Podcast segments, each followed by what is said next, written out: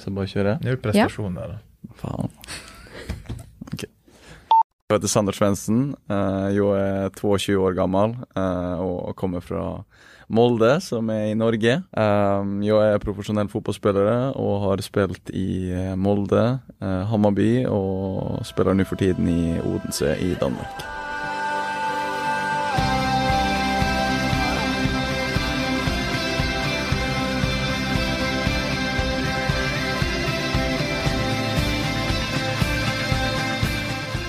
Hej Petter. Varför blev det så Då är vi igång igen. Ja. Ett nytt avsnitt av FPS podcast. Och vi träffar ju högpresterande människor. Kanske framför allt just nu kring fotbollsbranschen. Ja, det har varit mycket fotboll, eller det är mycket fotboll. Men det är vi nyfikna på att träffa bara högpresterande människor och som får en insyn på dem som människor. Deras utmaningar, deras resa. Och hur man kanske kan uppnå sin fulla potential. Ja, det är väl målbilden. Vi vill säga tack till Dobb Media för att vi får använda deras studio här i Stockholm. Och så sen så tycker jag att vi kör igång. Det gör vi. Vi har en ny gäst. Det har vi. Vi Sander, säger... eh, eh, vi säger hej till Sander Svensson. Hej hej, Och svarar jag då. välkommen. Hur känns det att vara här då? Eh, Det känns, eh, känns jättefint. Eh, Jag är jättetacksam för att jag får lov att komma in i studio och få lov att prata lite mer. Det är alltså första gången också så har vi, har vi förstått att du är med i en podcast. Det är det absolut, så det, det här blir, det blir verkligen spännande att få testa. Vad gör du i Stockholm nu då? Nu har jag lite julsemester, eh, så nu, nu tränar jag hos min eh, fysiska tränare och ja, brukar lite tid på att slappa av och njuta tiden.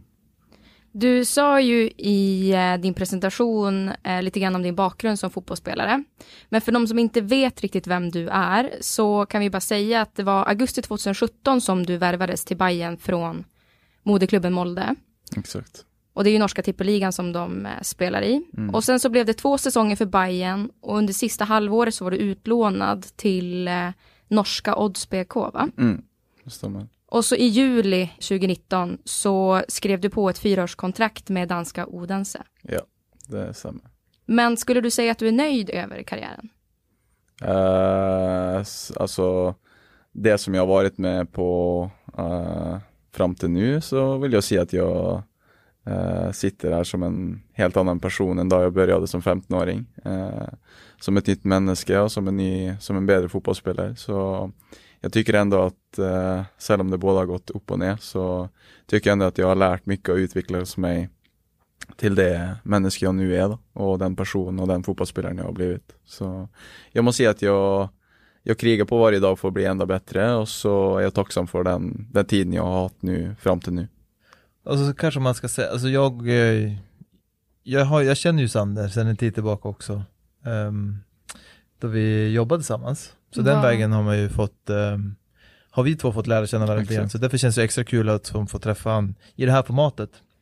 Men jag tänkte mer bara för den som inte har lite, alltså den som kanske inte följer fotboll så mycket så har ju Sander då, ja men eh, du sa, du nämnde att du kör, du, du är i Stockholm för att du tränar med eh, en personlig tränare. Exakt. Nu är det semestertid och vi har, vi har tre veckor eh, eh, Eh, ledig där vi för säsongen börjar på igen och då har jag också Uh, ja, valt att, att komma hit till Stockholm och, och bruka tid min sammen med uh, Sebastian Pisano som är fys min fysiska tränare. uh, så att få träna gott och, och göra kroppen klar. Så alla behöver liksom inte lägga ner den här semestertiden på att som fokusera på kommande säsong och vara förberedd inför det. Utan det är någonting som du aktivt själv har valt. Ja, så det är väldigt individuellt för fotbollsspelare. Någon behöver kanske att komma sig iväg och, och, åka och lägga, ligga sig på stranden och, och njuta solen och någon behöver kanske hämta familjen eller någon andra behöver att åka till en stor by och shoppa lite. Men jag känner att sånt som mitt behov och det är mina önskar och mina mål så är det det att vara bäst möjlig hela tiden och bli bättre och då kände jag att det också var en viktig del av mitt semester och få lov att komma in till Stockholm och, och träna gott och tänka på lite andra saker och ja, bara recharga lite. Men för om vi ser till, du nämnde ju nämligen att du var 15 år som du som började seriöst med fotbollen och det var i, i Molde, eller hur? Men det är ju ändå ganska ungt va? För du började att träna med A-laget. Var du 15 eller var du 14 till och med? Jag började första, min första träning när jag var 14, uh, eh, så jag var ganska ung. Jag var en ung, ung liten uh, pojke hos stora män, så eh, det var, en, det var en ny vardag, men jag gick ända på skolan. Uh, så jag fick lov att in i skoletiden få lov att ta fri någon timmar och så åka på träning med dem och så komma tillbaka och göra färdig resten av skolan. Så det var lite sån fram och tillbaks de första åren. Det måste ju ändå varit ganska speciellt att vara, du säger att du springer runt med liksom äldre, äldre män. Nej men att du är så ung och som jag förstod det så är det ju människorna du hade runt omkring dig och i ditt lag var betydligt mycket äldre än dig.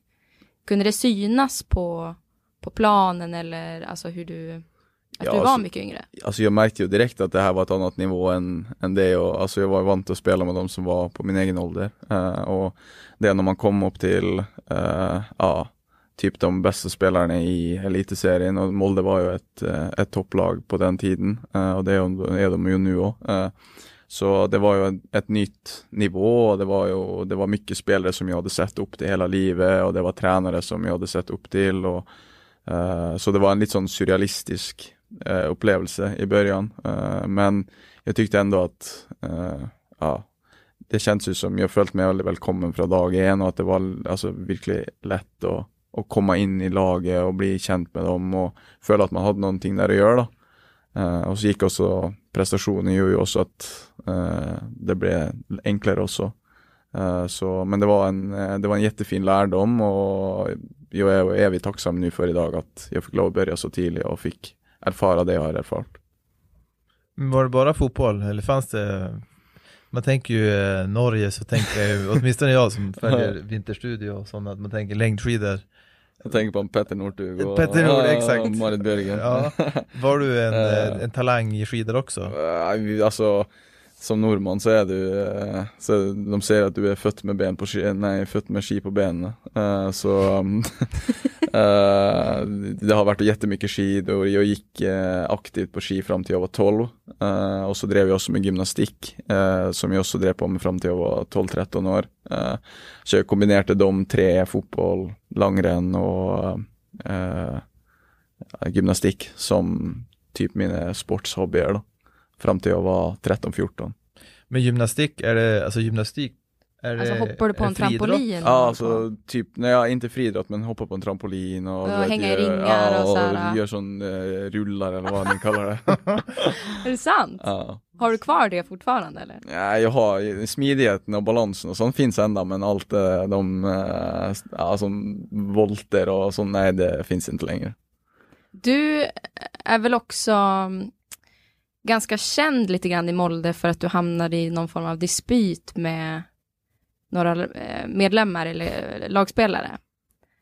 Det finns lite rykten om att eh, du vid unga dagar kaxade upp det lite grann. Ja, jag var väl, eh, ska vi säga, lite eh, ung och dum kanske. Eh, nej, alltså jag, jag hade just lite sån, eh, kanske när jag var yngre, lite svårt för att Eh, ta till mig så mycket och lära så mycket och jag följde liksom att jag, jag visste vad jag ville själv och jag visste vem jag var och jag, jag visste hur jag skulle bli bäst. Eh, och det var det var alltid inte lika enkelt när, när andra skulle på något sätt pröva sätta mig på plats. Då hade jag svårt för att jag och alltid hade en tendens att svara tillbaka. Uh, så jag, jag har ju haft någon episod med uh, ja, kanske de två största legenderna i Molde där, uh, där jag var 15 år.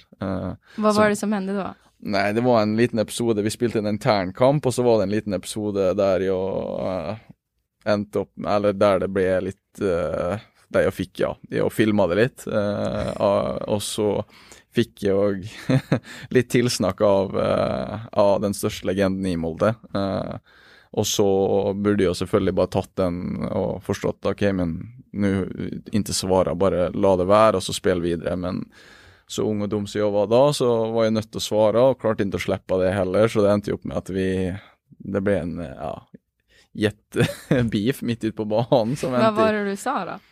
Nej, jag sa, jag, jag kommer inte ihåg 100% hur det var, men det var liksom att uh, jag, jag, han påstod att jag inte måtte, att jag måste hålla mig på benen och jag var väl mer att han, att han tacklade mig och, och så blev, alltså ja, så blev det så att vi, vi tjafsade lite och så eh, kom det en annan in och så, så blev det ja, det, med, lite mer komplicerat men det var inte liksom stora grejen. Det blev, jag lärde också att eh, okej okay, men eh, man ska ha respekt för de som har varit med i gamet länge och att eh, jag, det är inte allt. jag här, alltså jag vet inte alltid allt nu när jag är 15 år så eh, men det var en liten rolig episod som, eh, som jag tror också de huskar gott. Men var du väldigt självsäker, alltså har du allt, var du väldigt självsäker eller så lite, lite kaxig när du var yngre eller? Jag var, jag har alltid varit väldigt självsäker men jag har aldrig på en måte uh, varit kaxig. Uh, uh, jag tror det är genom min familj och våra värderingar och det de har också byggt upp, både för mig och lillebrorsan och lillasyster så, så har vi alltid haft fokus på det att människa och det har respekt för andra och det att ja, Eh, vara snill eh, och god med folk. Eh, så jag tycker ändå att jag, jag har alltid visst vem jag ville vara och vart jag ville och haft mina klara mål och målsättningar men jag har på en måte alltid haft fokus på att respektera alla runt mig och visa, ja, bara vara, inte något speciellt kaxig eller ja, bara vara snill. Men då du värvades till Bayern, var det en av de här förväntningarna eller drömmarna som du hade? Ja, jag kände att eh, det var ju såklart en, en jättestort beslut det att lämna Molde när jag hade, när jag varit i Molde från jag var, ja, eh, spelade sedan jag var fyra år gammal eh, och gått alla graderna och jag känner alltså klubben in och ut så var det en jätteny eh, Alltså en eh, svår beslutning att göra. Det satt långt inne men jag kände ändå att jag behövde något nytt och komma mig ut och och, och se världen. Uh, och då när Hammarby kom på banan och jag hade jättebra samtal med Jesper innan eh, vi signade och fick en jättegod magkänsla och med fansen och hela paketet så är det liksom uh, ja, det är typ det närmaste man kommer en uh, toppmatch i toppmatcher i Europa då. Det är liksom Hammarby, sin, alltså fans och aura och det som händer runt och det kände jag att jag hade lust att vara en del av. och så det var en del av det att när jag kom så hade jag en plan om att, eller en plan, jag hade en önskan om att man, jag skulle lyckas här och att jag skulle, eh, att det skulle gå bra och att eh, jag skulle skåra mål och att jag om någon år kanske skulle bli sålt vidare. Men eh, ja, så. Men Jesper och Jesper Jansson då? Ja, Jesper Jansson. Så sportchef? Ja. Just det.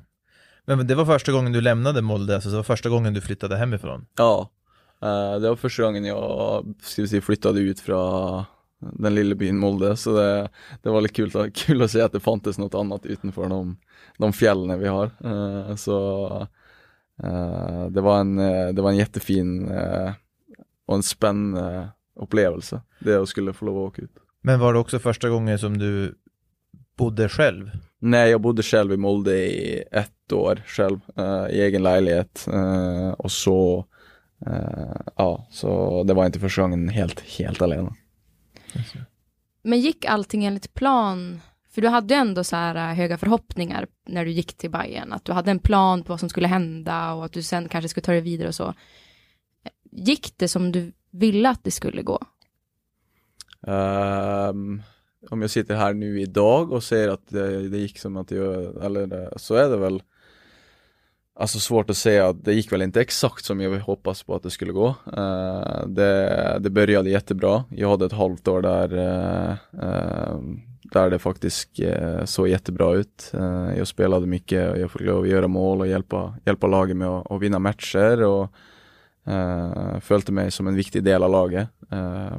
och så år efter så blev det tränarskifte och Eh, da endte det opp med att jag också, genom mina prestationer som inte var gode nog, och så fick jag en skada i början av säsongen, eh, att eh, ja, laget satte sig medan jag inte var på topp. Eh, och då endte det opp med att jag, jag spelade lite också hela den säsongen. Uh, gjorde ingen mål och, och hjälpte inte uh, varken Bayern eller fansen eller någon på den måten jag önskade att jag skulle vilja hjälpa dem. Så, så det var lite, ett lite jobbigt år. Uh, men jag lärde jättemycket ändå av, av den perioden. Men här, om vi går in på det här med, med tränare och vikten av att man också, nu vart ju du skadad också, men eh, när det kom in en ny tränare, hur, hur tänkte du då? För då var du fortfarande hel, eller hur? Mm, ja. Fanns det någon rädsla hos dig då att okej, okay, nu kommer en förändring som kan vara negativ för mig? Eller var det en positiv sak att det kommer en ny tränare och kanske lite nytt tänk och så? Eh, jag ska vara så ärlig och säga att uh, jag kommer ihåg eh, exakt den första med det meddelande jag får om att vi har bytt tränare. så är jag på Gran Canaria med familjen och så får jag ett meddelande och den första känslan jag får är att oh, oh, wow, tänk om nu, om jag åker ut av, ut av laget. den känslan får jag direkt i kroppen. Det blev som en rädsla liksom? Det blev som en rädsla, ja. Uh, och, uh, för då hade det första halvåret gått jättebra och jag följde att jag hade tillit till, till de som var tränare och de som hade systemet och allt sånt och när jag, med en gång det blev en ändring så fick jag en typ rädsla i kroppen. Uh, och den, jag vet inte om den rädslan vad hade jag in, jag hade inte med den rädslan in i året men det är inte ihop med att jag fick en skada efter 20 minuter eh, i i Finland på Bajenkryssningen eller ja, tror jag det var. Um, och så efter det så hade jag svårt med hamstringen i ja, två, tre månader nästan. Uh, men jag, jag var jätte, ja, det var en rädsla igen för att jag, jag var rädd för att mista platsen min så jag pushade mig igenom det. Eh, men det gjorde också att mina prestationer inte var i närheten av det, där de skulle vara. Uh, för att jag hade ont i hamstringen. Eh, så det gjorde också att jag uh, inte presterade på det sättet som jag själv ville och de runt mig ville. Och det inte upp med att jag till slut inte spelade någonting.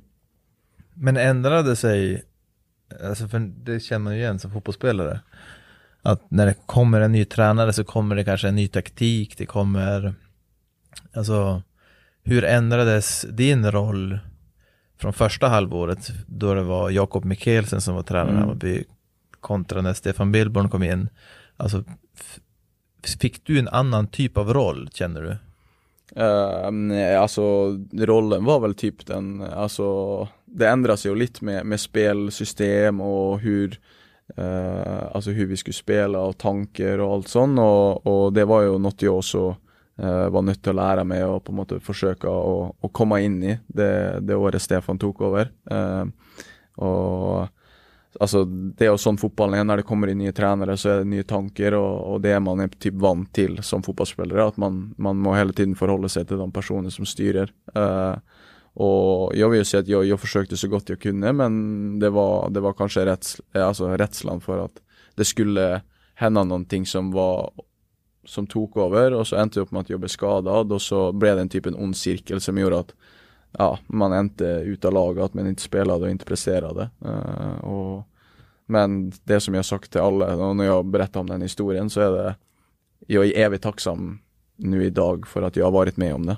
Uh, och att jag, för att jag har lärt jättemycket, och alltså lärt jättemycket om, om mig själv och, och hur fotbollen fungerar det, det året ting inte bara var perfekt och jättefint.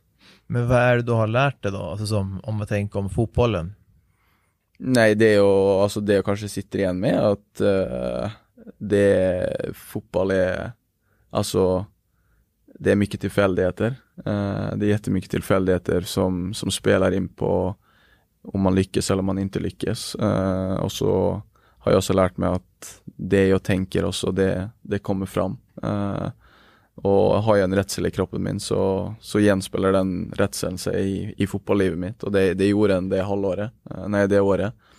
Uh, och har jag det gott med mig själv och jag mår bra så, så kommer jag att må bra på fotbollsplanen också. Uh, och uh, så har jag också lärt mig att fotbollen är en kynisk värld där det handlar om att Eh, att alla, och det är, alla har sitt eget levebröd och det är det det handlar om och alla vill fram och lyckas och då är det, det är en egoistisk bransch eh, där uh, man är alla samman på ett lag samman och man är alla glada i varandra men till syvende och sist så är det en ting som står i huvudet på folk och det är att man själv vill lyckas. Hur mycket, för du har ju ändå haft några tränare som ändå har tagit de här besluten om vem som får spela och vem som inte får spela och så. Hur upplever du att det är? Hur mycket har du som litat på dina tränares åsikter? Ehm, jag i min tid, alltså nu, jag har brukt mycket tid på, på en måte att please tränarna mina, Uh, försöka genom goda prestationer, försöka genom att och, och spela på det sättet de vill att Sander ska spela på. Uh, och på en måte jag hela tiden att tillpassa mig det systemet de vill, och det är en del av det att vara fotbollsspelare, att man tillpassar sig Eh, det en tränare önskar, Men samtidigt så är det viktigt att man behåller det som är, för min del, det som är Sander, då, och det som jag har tränat på, och det som jag är bäst på från jag var eh, ja, fem, sex år gammal. Att man har den eh, ja, grunden i sig då, och heller genom det att den fotbollsspelaren man är, att man utvecklar sig till att kunna hjälpa laget i det systemet som, som är då. da. Eh, och det är också något jag har lärt mig sista året, eller genom de upplevelser jag har haft, att det handlar om till syvende och sist om att vara sig själv eh, och spela på det sättet som mm, alltså, som man känner sig bekväm med. Där man känner att man har mest att ge till laget och sig själv och, och alla de som sitter och ser på. Uh, så det är också något jag har av att jag, det blir kanske jag hørte väldigt mycket på det tränarna sa och det de ville, och kunde heller kompensera med det. Okej, jag vet att han vill att jag ska göra det, men jag i mitt hode tänker att jag ska göra något annat. Så gör jag hellre det fordi att jag vill pleasa, förstår du.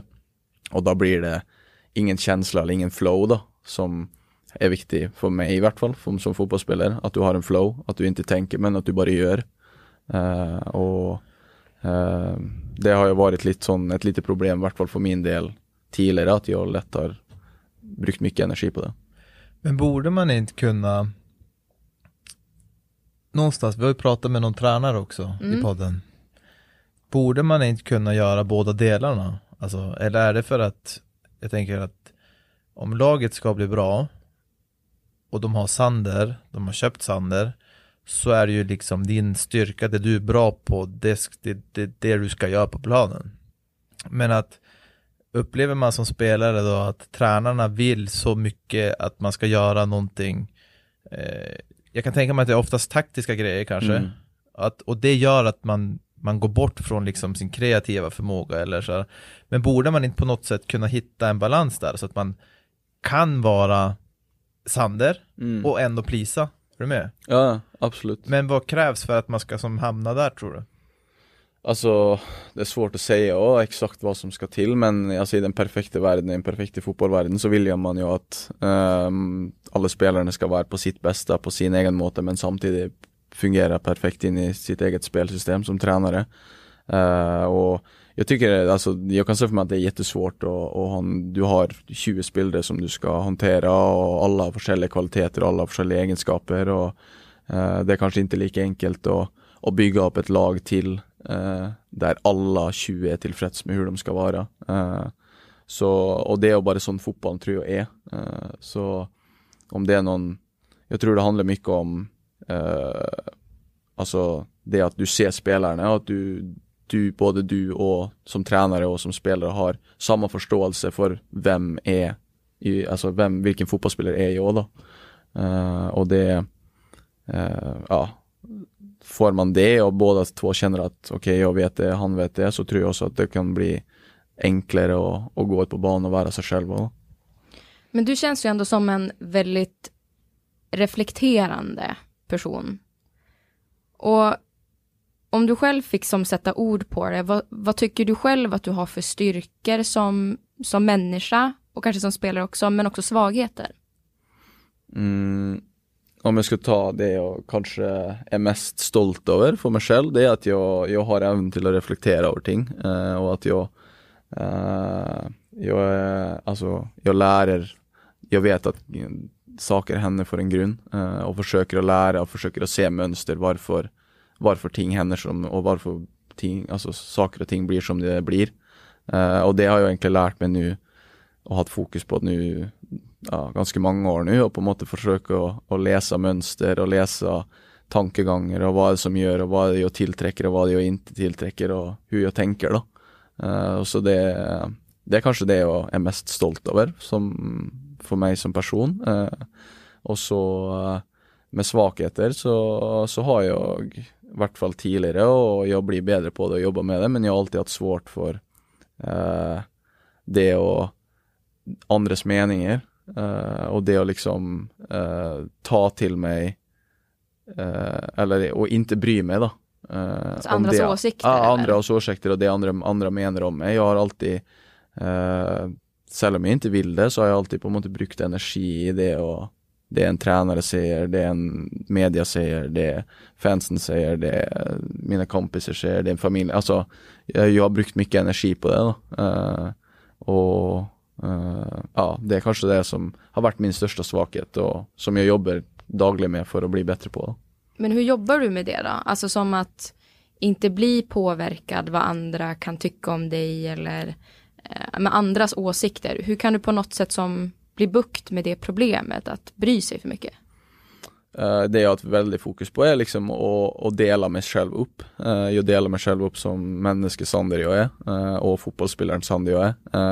när jag är fotbollsspelaren Sander så är det en ting som handlar om och det är, det är fotbollen och det är det den feedbacken och det människa och den, eller ja, den fotbollsspelaren jag är och den feedbacken jag får från tränare, från fans, från uh, alla runt, så är det på en måte till fotbollsspelaren Sander. Uh, och inte människa. Uh, om jag så är jättebra så är det till fotbollsspelaren, om jag är jättedålig i en match så är det till fotbollsspelaren.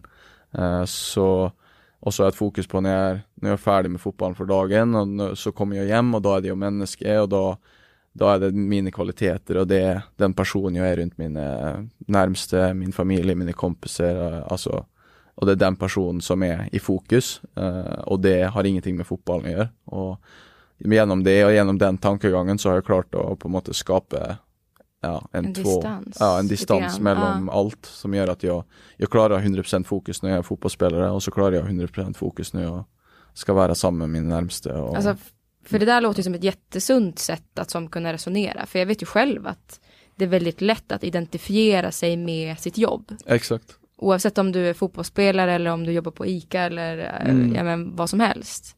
Att det är så lätt att bli identifierad med, med det man gör och lägga en värde i det istället för att som se sig själv Exakt. som någonting annat. Jag tror det är, jätte, jag tror det är jättelätt som, som du säger om man jobbar på ICA eller om man är fotbollsspelare att man, man tar med sig jobben hem uh, och, och, att man går och funderar över det, att man tänker över det, okej, okay, fan, kanske gjorde något dåligt på träning, kanske gjorde något bra på träning och så går man och och, och tänker över det och reflekterar över det hela kvällen och så kommer man dagen efter på och så går det bara i en sån vana hela tiden varje dag.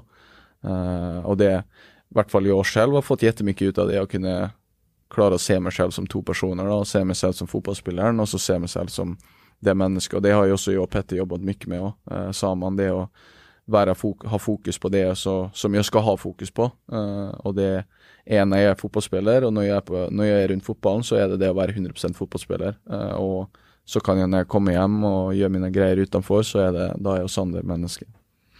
Men, för, men det är ju inte så konstigt, alltså det, det är det första folk frågar. Vad då för någonting? Men vad gör du för något? Mm. Alltså om man tänker så här i efter min karriär nu till exempel så är det som, ja, men vad gör du nu då? Vad gör du för något? Vad jobbar du med? Alltså det är någonstans det som är intressant för folk. Och så jag tänker att, den här, att man identifierar sig väldigt mycket med det man gör är kanske inte så konstigt. Mm. Utan det är väl kanske mer bara hur ska man istället kanske börja som vara medveten om att det är ganska farligt kanske att identifiera sig väldigt mycket med, med sin yrkesroll.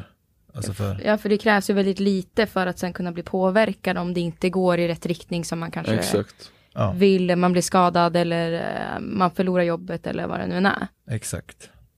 Det tror jag nästan alla känner igen på ett eller annat sätt oavsett vad man har för typ av yrkesval. Mm. Ja, jag är helt enig. Har du varit en sån som har tänkt mycket negativt eller hur ser du på det? Nej, jag har egentligen, jag vill inte säga att jag har varit uh, väldigt negativ men jag har ju alltid, alltså jag har alltid varit väldigt hård mot mig själv. Uh, jag har varit, jag har alltid satt stora krav. Uh, så jag har aldrig på något sätt varit eh, förnöjd om man ska säga så. Jag har aldrig varit happy eh, med arbetet jag gör. Det är mer sån, okej okay, men det här är det arbetet du ska göra för att lyckas, för att nå till toppen. Eh, och så var jag jättemycket tidigare, att jag, jag satt höga krav till mig själv och att jag, jag, det här skulle jag få till och då skulle jag lyckas med det och det här var en del av vägen då. Eh, men så kom jag ihåg att eh, det var någon som förtalade mig att det och det, det jobbar jag utifrån nu och det är att det handlar om att du ska vara happy här, här och nu och vara förnöjd med det det mennesket och den fotbollsspelare man är här och nu. För att om du hela tiden lever i framtiden så kommer du alltid till att när du först är i framtiden så kommer du till fort, fortfarande leva i framtiden så kommer du aldrig till att njuta av det ögonblicket som, det, som är här och nu. Om du hela tiden lever bakåt så kommer du fortfarande aldrig till att leva de ögonblicken som är här och nu. Så det har jag blivit mycket bättre, bättre på sista, sista åren också genom upplevelser och erfarenheter och det att vara happy och förnöjd med det som händer här och nu och ha fokus på det som jag kan påverka och inte det som finns fram eller det som har varit.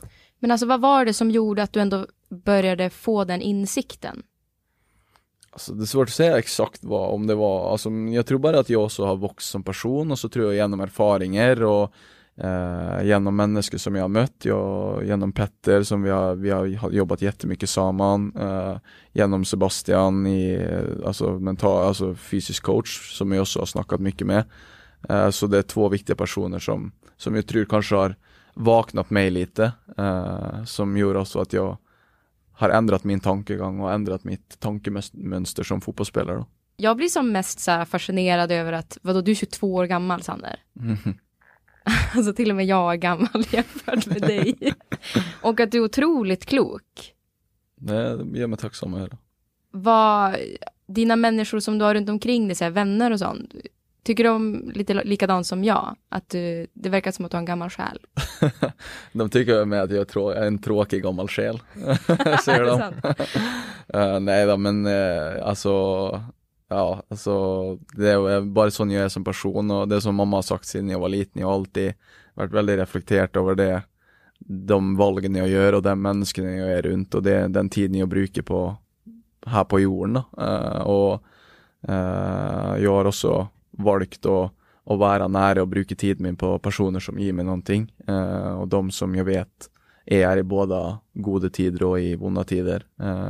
Och det, det, är små ting man så länge man reflekterar över ting som händer och det man gör så vill man också lära sig ett, ett mönster och något som funkar för sig själv. Vad skulle du ge för tips till eh, fotbollsspelare kanske som är i din situation eller människor generellt som känner ett tvivel på sig själva och sådär. Har du som något så konkret tips, bara, men jag tycker att du borde tänka så här eller ja, men någonting man kan jobba på? Uh, det som kanske jag har, om jag ska säga ett tips så vill jag säga meditation. Det är kanske det, den grejen som är enklast att göra någonting med. Uh, selv om det kanske i början vill føles lite som, okej okay, vad är det här för någonting? Uh, men så lovar jag att om man så gör det, om man enten är fotbollsspelare eller man jobbar med business eller man jobbar på ICA eller man har fina dagar eller dåliga dagar eller oavsett vad det är. Så om man så brukar tio minuter av dagen sin till att sätta sig ner och faktiskt lyssna till sig själv och kroppen sin och vem man är så får man ett helt annat syn på, på världen och sig själv och alla runt. Så Alltså vi hade ju Rickard Magyar här och han nämnde också meditation som en sån grej som han använde för att boosta sig själv lite grann eller mm. få en sinnesro. Och sen hade vi ju Tankovic också. Oh. Eh, han tittar i spegeln mycket och så här, mm. pratar för sig själv. Är det någonting som du också brukar göra? Uh, nej, jag gör inte så mycket, inte, inte i speglet, men uh, jag använder jättemycket meditation. Uh, som typ, speglet är ju en, en form som, som, som Ojo använder för, och det är ju en typ meditation det är. Så vart man typ finner sig själv. Uh, och jag använder meditation som, uh, som min måte att, lugna kroppen på och, och få placera tankarna mina där jag vill att de ska vara uh, och ha fokus på det som är viktigt. och det har i hvert fall för min del varit väldigt, väldigt, väldigt gott. Men är det, på, alltså är det några speciella tidpunkter du gör det? Är det på morgonen eller på Jag försöker att ha en om morgonen, den, på en tio minuter där jag inställer kroppen och huvudet på dagen och vem jag är och den person jag, och det jag ska ha fokus på och vad jag önskar och vad jag vill här i livet. Uh, och så försöker jag ha en om eftermiddagen, en lite längre session där jag, där jag på något ja, lugnar ner lite och finner min egen vibe då. Du känns ju väldigt, eh, du känns väldigt ambitiös. Alltså i, i nästan allting du gör. Mm. Kan du känna någon gång, och nu pratar jag utifrån också som hur man, hur jag upplevde mig själv när jag var, alltså som att man kan, kan du känna någon gång att man blir för ambitiös? att man gör för mycket, man vill för mycket liksom eh, bli bättre. Ja. Att man, som man, man nästan desperat letar efter nya sätt att optimera sig själv. Ja, alltså det må jag vara så ärlig och säga att jag, jag har upplevt. Uh, jag blir, eh, jag har, alltså ambitiös eh, har jag alltid varit och jag försöker hela tiden, varje dag, alltså nästan varje minut att hitta saker som kan göra mig bättre. Om det så är, ja, små saker eller om det är vad jag äter eller om det är något jag restitutionstöj eller alltså oavsett vad det är så Du kan väl bli lite knäpp av det där? Eller? Ja, jag, jag, jag kollar ju mig själv lite psycho, jag gör ju det. Eh, för, eh, och det ser mina kamrater och familj att det, det till tider kan bli, det blir mycket fokus på det. Eh, och det märker jag också att jag har alltid, jag har alltid satt mig själv att det jag gör, det ska jag göra 110 procent. Och det blir ofta perioder där man kanske gör lite för mycket än det man kanske behöver. Och Uh, Eh, det att det har också lärt den, speciellt den säsongen här, att när man när ting går bra och ting är, du är i flowen så är det inte alltid uh, hela vägen så, så mycket, då, då behöver man inte hela tiden och, och pusha, pusha, pusha. Man kan hela tiden pröva att stay, alltså vara lite här och nu i flowet uh, eh, och, och flyta på det och spara på den energin som man har till de viktiga scenerna som är fotbollsmatcher. Då. Det är där man visar sig fram, det är där man visar det man tränar på hela veckan och som man har tränat på hela livet. Så eh, det har också lärt och tagit erfaring av det sista halvåret här nu att man rationerar krafterna sina på det som är viktigt. Visst har du en brorsa också? Ja, en lillebrorsa. En lillebrorsa? Ja. Han spelar fotboll, visst? Han spelar fotboll. Ja. Eh, är han lite grann som du, också lika så reflekterande och... Nej. du skakar på huvudet. Nej. Eh, det som eh, har varit lite kul med både mig och, han heter Tobias, eh, både mig och Tobias är att vi har varit två helt olika personer. Han är lite mer den som jag ofta berömmer han för. mer den lugna, chilla, tar det stilla och roligt, har inget stress, tänker inte längre än vad som händer här och nu. och jag är lite mer den helt på andra sidan som gillar att planlägga ting och gillar att hålla koll på ting och uh, har väldigt fokus på de små detaljerna. Uh, och det är lite kul att vi och se att det finns ingen väg eller ingen facit på vad som är vägen till att bli en fotbollsspelare uh, eller hur man lyckas. för det finns så många olika vägar till och lyckas och det, det tycker jag också är kul och det snackar jag också, jag och lillebrorsan mycket om också att uh, vi är två helt olika killar men vi har ändå gått typ samma väg och, och kommit oss lite på väg till det målet vi, vi önskar. Han är också professionell fotbollsspelare? Ja, han lever och så. Så han spelar i, han, är, han spelar i, alla, han, han, han har kontrakt med Molde men nu senaste året så har han varit utlånad till en eh, första division, divisionsklubb i Norge. Men om vi kollar lite grann till eh, nutid. Så eh, inför att du skulle komma hit så, så satt jag och kollade lite grann på vad andra har skrivit om dig mm. eh, och hur det har gått för dig nu i Danmark och så.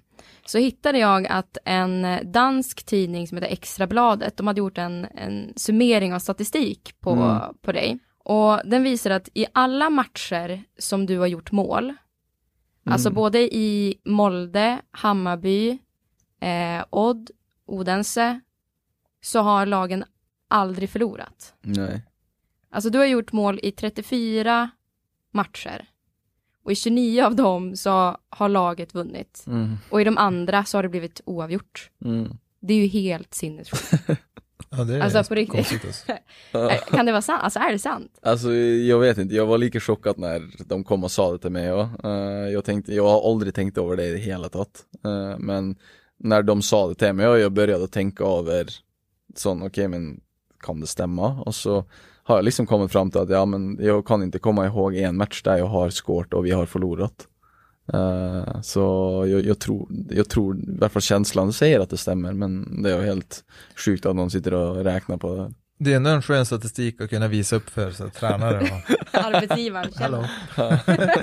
Varför spelar jag inte? Kolla. Nej men det är helt sjukt. Alltså vad tror du det där är för typ av kvitto på, på det du gör? Uh, nej, alltså det är svårt att se om det, alltså, om det är något speciellt kvitto. Och det är väl det är, väl, det är, en, det är en fin statistik att ha och det, det är kul, alltså, kul att ha eh, och få lov att alltså, spela och göra mål och, och, man vet att man inte förlorar när man gör mål. Eh, det är ju en god känsla. Eh, så eh, alltså det är väl ett svar på att jag gör någonting riktigt eh, i vardagen och det, det, vi, det jag har fokus på, det vi har haft fokus på Saman också. Eh, att det, det är en riktig väg att gå. Eh, och jag följer ändå att saker och ting börjar komma mer och mer på plats och att man lär sig mer och mer om hur fotbollslivet är. Hur trivs du i Danmark då? Nu har du ändå spelat i Norge, Sverige, Danmark. Liksom. Mm. Hur är danska ligan då i förhållande till de andra? Jag syns eh, faktiskt det är överraskande bra nivå i Danmark. Eh, jag syns eh, det är grasplaner vi spelar på. Eh, så jag syns på det sättet så minner det mer om europeisk fotboll. Eh, jag syns eh, det är en jättefysisk liga. det är mycket det är mycket dueller, det är mycket, det är en tuff tight liga, alla lagen är ganska lika goda. Eh, så varje match är viktig. Uh, mens eh, I Norge och i Sverige så är det mer kunstgras, så det blir en mer teknisk fotboll. Så det är kanske den största skillnaden, att det är mer, det är mer fysisk gräsfotboll och så i Norge och Sverige så är det mer teknisk kunstgräsfotboll. Passar det dig bättre då? För du har ju fått en fantastisk start ju på mm. den här hösten. Den påminner ju väldigt mycket om din start i Hammarby Exakt. under samma tränare då, för det är även mm. Jakob Pikelsen då som tränare. Ja, det är samma tränare. Som hur, eh, som, vad, alltså vad är det som har hänt i höst? Alltså som, du har gjort massa mål ju. Ja, nej det har, som, alltså det har lossnat lite och det har, det har varit fantastiskt dejligt. Uh, men jag har så, genom det vi har, allt vi har snackat om nu och jag har funnit min väg och jag har funnit det som på en måte funkar för mig. Uh, och det är genom mina tankar och hur jag tänker och, och, det jag gör i vardagen och det har också gjort att ting lösnar. Uh, och så har jag också fått tillit från en tränare och en klubb som, som visar att de, de tror på mig och att de, de tror på mig i den position som jag också känner att jag har något att göra i. Um, så det är många, många tillfälligheter som gör att uh, ja, till slut att man lyckas och att man kommer upp. Men mina tankar och doms tankar och det jag gör och det de gör och det, ja, det gör att man till slut lyckas. Och. Men för då du, då du lämnade Bayern eh, så var ju det, du blev utlånad till Norge mm. och eh, hade ju inte haft så mycket speltid i sista tiden i, i Hammarby. Jag vet inte, hur påverkades du av det? Eh, för jag menar, du hade ju som en plan på ja, men, hur din resa skulle se ut. Ehm, var det så att du på något sätt kände att, att nu när du sen har fått komma till Danmark, att det blev en revansch på att jag inte, jag fick inte visa mitt bästa jag sista tiden i Hammarby? Uh, nej, alltså uh, det jag, jag känner att jag, jag skulle jättegärna vilja lyckas i Hammarby uh, med Alltså det fantastiska stödet jag fick från, från fansen och det som jag sa från jag, första gången jag kom hit, jag har aldrig upplevt så mycket kärlek från, det, jag följt mig som en del av familjen från dag en och när ting gick bra så var alla med och, men det finaste av allt var att det året jag hade 2018 då, då var alla med eh, och det var helt fantastiskt och och jag fick meddelanden, jag fick brev i posten, jag fick eh, fina meddelanden på bilen, alltså det var Va? På bilen? Ja, ja, det låg lappar, alltså det var så mycket fint och det var så att till slut att man blev, man blev nästan rört över all kärleken som man fick av Hammarby-fansen och de runt. Eh, och det visade, det betydde mycket för dem, det, alltså det arbetet jag också gjorde. Eh, och det är därför jag också känner att jag känner mig inte helt färdig med Hammarby, för jag känner inte att jag har fått bevisat och lyck lyckas med Hammarby på det sättet som jag skulle önska att jag ville. Eh, så, så kände jag ändå att jag 2019, eller i, i år, eh, början av året, att jag var lite på gång igen. Att jag kände att jag, jag började komma lite in i, i laget och att jag, mina prestationer var goda och att jag följde att jag var eh, på väg till någonting. Eh, men så eh, är det ju som fotbollen är att någon gånger så så kommer det nya spelare in och då önskade Bayern att jag skulle fortsätta utveckla mig i Norge och det, det var en fair sak. Eh, så, jag, så jag åkte till Norge och spelade där och så fann vi ut i sommar att eh, det var bättre att jag inte kom tillbaka till Bayern och gick min egen väg och att vi skiltes för denna gång. Men eh, eh, ja, det förhållet och den relation jag har fått till Hammarby och de som styrer och fansen och allt sånt så har, har gjort att det har en stor plats i mitt hjärta. Fint då. Ja men det blir ju ändå, och som du säger, alltså som och när du fick alla de här meddelandena Mm. så var det väl när det som gick som allra tyngst också, Exakt. så det var ju inte när det var Nej nej, det var inte bara när det var allt var fantastiskt och allt var fint. Det var liksom, det var nästan mer, eh, ända mer kärlek och ända mer stöt när, när det inte var, allt var 110 procent. Så, och det säger ju lite om, ja, klubben och Hur, eh, nu är du ju i Danmark och liksom det är ju ett steg för dig, herregud du är 22 år gammal, men det är ett steg för dig i din karriär och det, det du vill åstadkomma som, som fotbollsspelare. Vad blir nästa steg, eller vad är drömmen liksom? Vad fortsätter efter det här? Vågar du tänka så långt? jag har alltid tänkt att, alltså jag har alltid satt mig, jag har satt mig ett mål för min fotbollskarriär, det är att jag önskar spela i Barcelona en, alltså en eller annan gång i löpet av livet. Och det har ju varit, viktigt för mig, för då vet jag att jag har ett mål som jag jobbar hårt för varje dag och som jag vill nå. Eh, och då har jag på en måte, alla säger jag vill nå så långt som möjligt, men alltså vad är så långt som möjligt då? Då blir det, okej jag spelade i Odense, men då, då var jag happy, men det var så förstår du? Så jag gillar att ha ett mål som jag kan jobba för. Eh, och, men vad som är målet nu framöver, nu handlar det om att, som jag sa i stad, att jag är här och nu. Eh, jag sitter inne i lokala här som med er och spelar en podcast och det är det som är fokuset mitt. Eh, och så ska jag träna senare ikväll och så ska jag äta en god middag och så jag tar mycket mer dag för dag och, och har ingen lagar ingen förhoppningar eller lagar ingen expectations över vad som ska komma men försöker heller bara vara ödmjuk och eh, jobba hårt för det som är här och nu och då vet jag att de goda tingen också vill komma. Så framtiden vill visa vad som kommer. Har du, var du sådär klok när du var 22 år gammal Peter?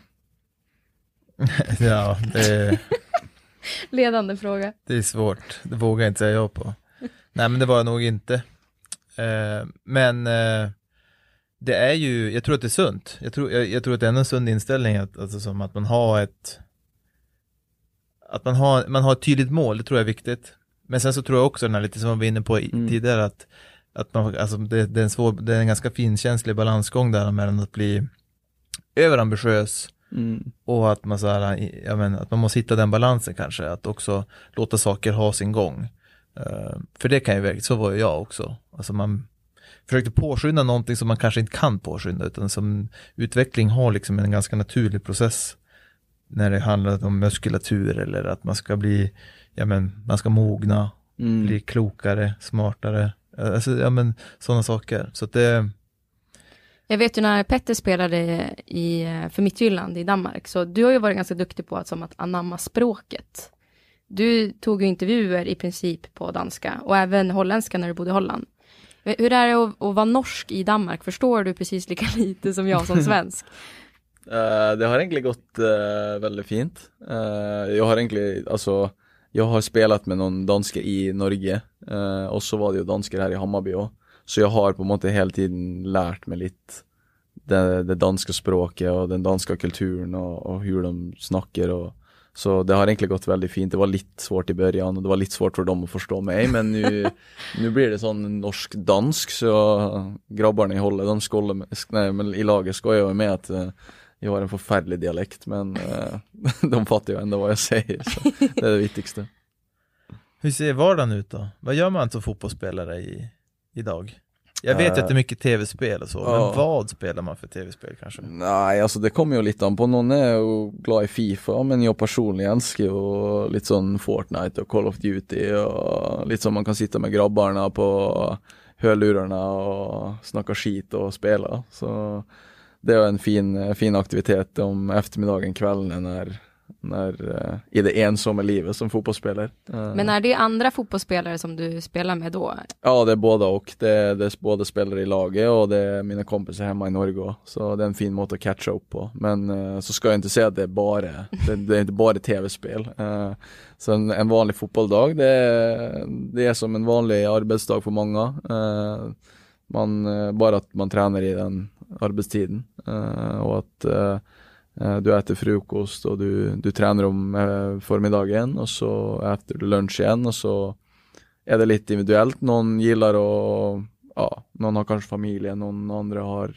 sina grejer de gör och men jag, jag gillar som oftast att ta mig en liten träningsökt igen efter eh, på eftermiddagen och ja, få preppa kroppen lite till nästa dag och eh, försöka bli lite bättre på en, alltså de ting jag vill bli bättre på. Eh, så det är en fin tid för mig att bruka, ja, bruka den tiden om dagen från, från till fem på det jag har lust att bli bet bättre på. Och så från fem och utöver så eh, lagar du middag och är lite med kompisar eller de som har familj, de är med sina familjer och jag som är all alone, jag sitter med min goa Playstation och mina kamrater i hörlurar. Så.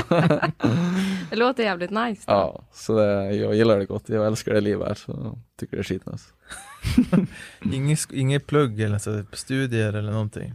Nej, jag, jag väntar fortfarande. Jag måste bli, när jag, jag får mitt, eh, min studie, i Norge heter det studiekompetens, alltså som ett bevis på att du har fullfört skolan. Uh, det får jag när jag är 23, så det, det är ett år till. Uh, så nu har jag ett år till med att njuta av Playstation för jag, jag börjar tänka på vad jag ska göra. Men vad, vad vill du plugga då?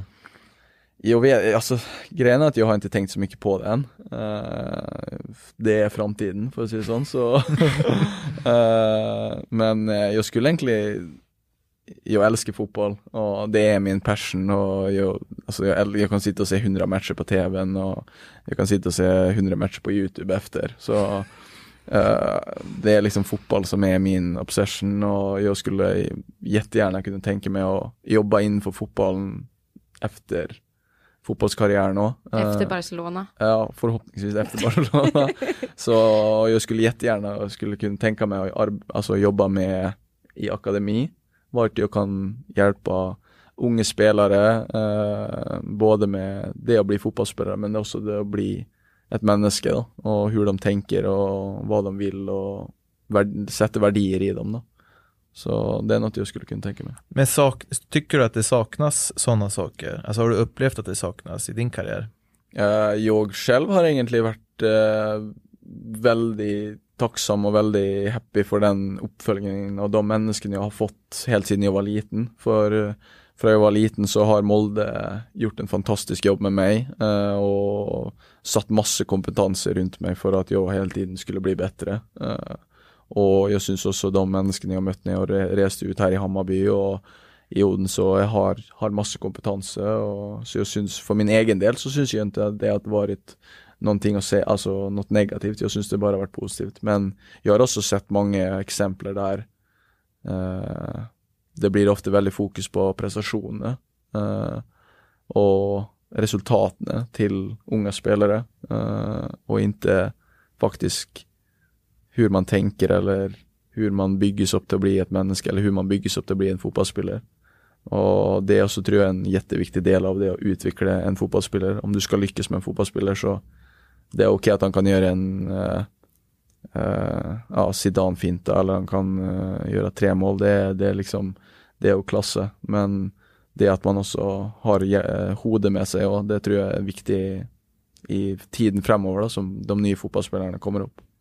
Men vad är det du ser för något händer då när det blir för mycket press och på resultat och pre alltså förväntningar? Nej, alltså av min egen erfarenhet också så vet jag att det blir, jätt, alltså det blir jättelätt fokus på det. Att det är det som blir fokus och det gör att spelare tänker okej, okay, det är resultatet som betyder något. Det är inte faktiskt prestation eller utvecklingen. Uh, men det jag också tycker att jag har lärt av de tränarna som har fokus på prestation. Du ser att spelarna utvecklar sig på det sättet att det är inte resultatmässigt som betyder något. Det är okej. Okay. Det är det prestationer, det är de små detaljerna i spelet, de små detaljerna i dig som fotbollsspelare som ska bli bättre. Då. Och det så tror jag att har man fokus på det så lägger man mycket mindre press på de unga som kommer upp då. Av de eh, spelarna som du har, har spelat med, hur, hur, tycker du att de hanterar det här som du berättar om nu? Alltså Finns det ett sånt tänk övergripande inom de klubbarna du har varit? Att spelarna kan som eh, förstå värdet i att kanske inte alltid fokusera på statistik? Uh, alltså fotbollvärlden har ju blivit statistik nu uh, och jättemycket, alltså allt blir ju räknat ut med tal uh, och det blir ju bara mer och mer fokus på det. Uh, men så tror jag, jag följer ändå att i vart fall vi som fotbollsspelare och att vi har att det är många i vart fall som har väldigt mycket fokus på det prestationer sina och det som prestationer till laget och det som gör att man kan bli bättre då och inte hela tiden har bara fokus på de talen eller ball possession som står eller eh, antal hjörnespark eller antal eh, gula kort liksom. Men att man har, man ser helheten i bilden och helheten i fotbollsspelaren och helheten i laget. Då. Så jag tycker ändå att de platserna jag har varit nu har varit, eh, varit jättebra på det med att ha fokus på det. Det är ju också Molde känns ju som att, vi, vi pratade lite om det mm. innan mm. vi gick igång med podden här med Det känns som att det är lite av en talangfabrik Alltså det kommer mycket duktiga fotbollsspelare från Molde och nu senast så ser vi ju Håland eh, För det första, känner du Håland? Har du spelat ja, fotboll? Ja, vi, vi spelade samman uh, ja, ett år typ i Molde innan jag åkte till Hammarby Så ja, jättefin kille och uh, ja, han, har, han är en man för sig själv. Uh, så... Men var, var det tydligt för dig som ändå spelade med honom? Alltså du såg ju tidigt när han var jag kommer ihåg när han var, jag tror han var 15 eller 16, första träningen han var med oss, uh, så såg du att det här är en spelare som har något extra. Uh, så du tänkte ju, ehm, alltså okej, okay, det här kan bli jättespännande att följa med och se hur det blir. men så var det det året jag lämnade och Eh, jag lämnade den sommaren och hösten och våren tror jag efter jag lämnade, det var ju då jag tänkte okej, okay, wow, nu satt och kollade på matchen och han gjorde fyra mål på 20 minuter mot, alltså du tänker sån, okej, okay, vad fuck hände liksom? Uh, men du har ju hela tiden sett att det är något speciellt med killen och han, han har en mentalitet som som inte många andra har. Och han har också fotbollsfärdigheter och en fysik som är enorm. Då. Så Ja men vad är det? För det tycker jag är så intressant. Mm. Den här mentaliteten du mm. pratar om. Men vad är det han har? Alltså som, om du bara försöker beskriva det.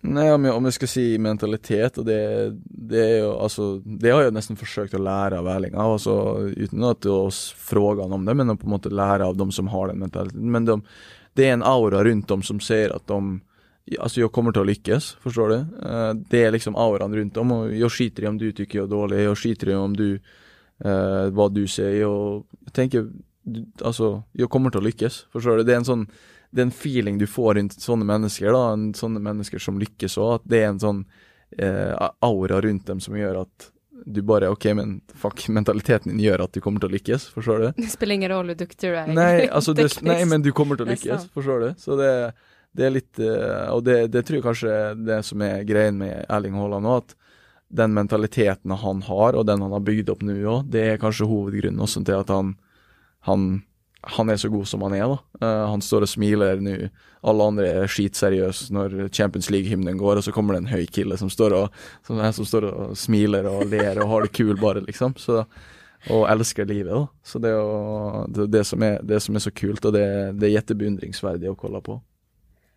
Den mentaliteten ska vi försöka få Petter.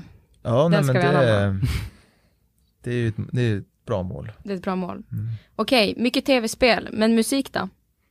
Vad lyssnar du på för musik?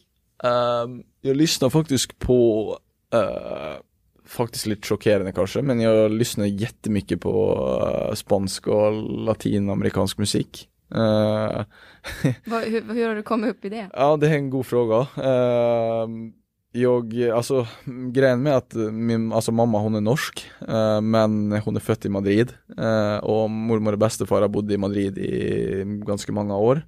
Eh, så vi har egentligen genom uppväxten alltid vuxit upp med ett lite sån spanska maträtter, vi har Mormor har alltid spansk musik när vi vaknat om morgon, morgonen. Det är liksom, de hade hus där nere som vi alltså, var ofta om somrarna. Så man fick liksom lite den viben in från man var jätteliten. Uh, och så har jag alltid gillat den typen musiken. Eh, och så har det bara blivit att den har fästat sig totalt i hjärnan. Så nu går det bara på repeat varje dag. För vi ska ta och eh, tacka av dig Sander. Och så ska vi samtidigt som försöka ta fram en låt. Mm. Som kan representera dig lite grann. Vilken tycker du att vi skulle slå på då? Uh, oh. De har jag... Om du har telefon så får du kolla Ja, på, får jag kolla på den? Spotify. Ska vi Ja, ja, ja. Har du den på norsk, svensk eller dansk Spotify? Ja, det, det, det är så många telefoner, många brukare här nu att det är så svårt att få upp. Uh, jag, jag har en låt som jag, jag hör jättemycket på, som jag har hört på jättemycket, den heter Wine Up Med, med vem då? av Nicky Jam. Okej, och vad, i vilka situationer kan du lyssna på den? Nej den är, går bara full, alltså den som går på repeat hela, varje dag hemma i sista tre, fyra månader nu. Så den går på, den går båda på repeat på högtalaren och den går repeat musikvideo på tvn.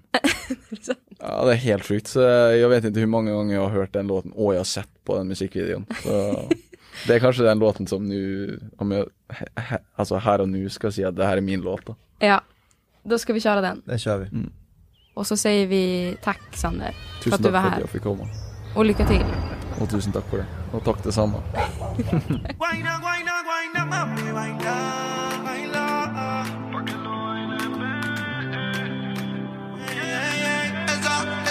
Esa, nena está dura.